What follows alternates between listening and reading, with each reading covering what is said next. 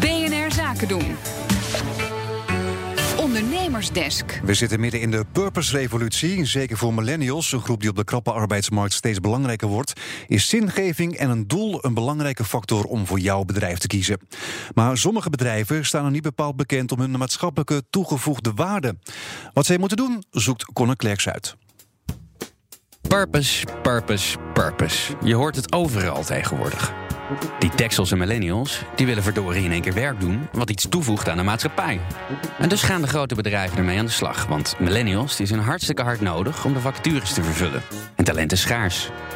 Maar wat ik me nou afvraag, is hoeveel zin die hele purpose-revolutie heeft... bij bedrijven die maatschappelijk gezien, op het geld dat ze in de economie pompen na... gewoon helemaal niet zoveel toevoegen. Of juist slecht zijn voor de wereld. Tijd voor een millennial onderrondje met Talita Muse. Expert op het gebied van alles wat met millennials en de arbeidsmarkt te maken heeft. Wat moet je nou doen als je gewoon niet zo'n leuk bedrijf bent? Dan heb je het wel lastiger. Ik denk wel dat reputatie en het verhaal hebben, dus de storytelling van je bedrijf is wel dusdanig belangrijk dat je daar dus echt op concurreert en niet meer dus alleen maar op die harde arbeidsvoorwaarden. Dus dan moet je, kijk, ieder bedrijf voegt altijd iets toe, anders ben je geen bedrijf. Je voegt altijd iets toe. En ik denk dat sommige bedrijven het nog lastiger vinden van, zeker misschien in een business-to-business markt, wat voegt dat toe aan het grotere maatschappelijke geheel? Uh, ja, dat is toch even heel erg teruggaan. Je hebt de bekende Simon Sinek-methode natuurlijk. Van waarom doen wij dit? En ik, ik denk dat in ieder bedrijf of in iedere oprichter van een bedrijf uh, zit uiteindelijk, denk ik wel, zo'n is, is, een grotere drijfveer te vinden waarom ze zich daar zo uh, mee bezighouden. We zouden bijvoorbeeld kunnen kijken naar bedrijven zoals. Die zijn heel vaak negatief in het nieuws, maar hoe moeten zij het dan aanpakken om toch uh, die jonge generatie te werven? Want het wordt steeds belangrijkere groep op de arbeidsmarkt. Ja. ja, je ziet dat die bedrijven, dus die bedrijven, die hebben eigenlijk best wel inderdaad moeite om zich te onderscheiden. Want of je nou bij je gaat werken. Is eigenlijk allemaal hetzelfde. Je gaat er echt werken voor. Uh, het is een erkend goede werkgever. Het staat goed op je cv.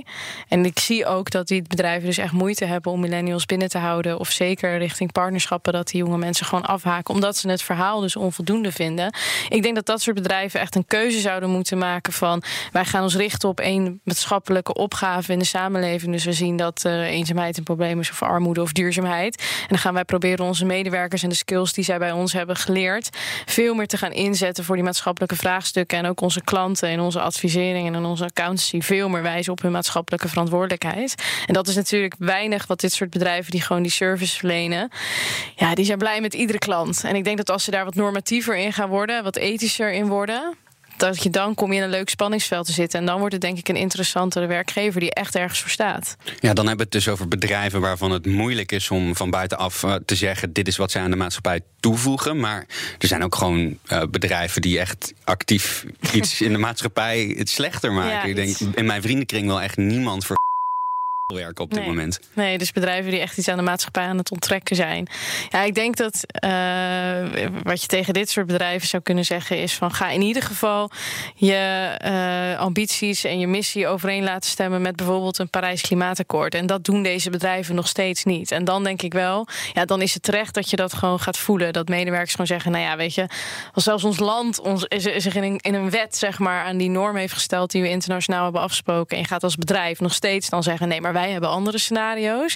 Ja, dan wordt het bijna bewust kiezen voor inderdaad waarde uit de maatschappij halen in plaats van toevoegen.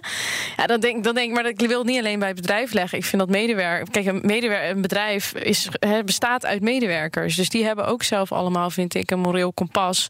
Om op een gegeven moment te zeggen: van uh, dit moet anders.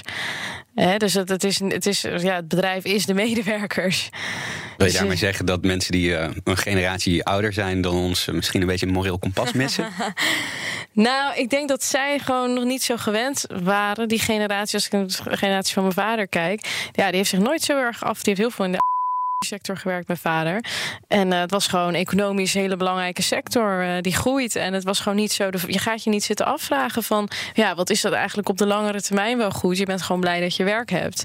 En ik denk dat wij, dat onze generatie, wat dat betreft, ook door gewoon gunstige arbeidsmarkt, veel meer ons kunnen permitteren om aan de voorkant te zeggen: ja, ik wil het ook een beetje op mijn voorwaarden en laten overeenkomen met mijn idealen.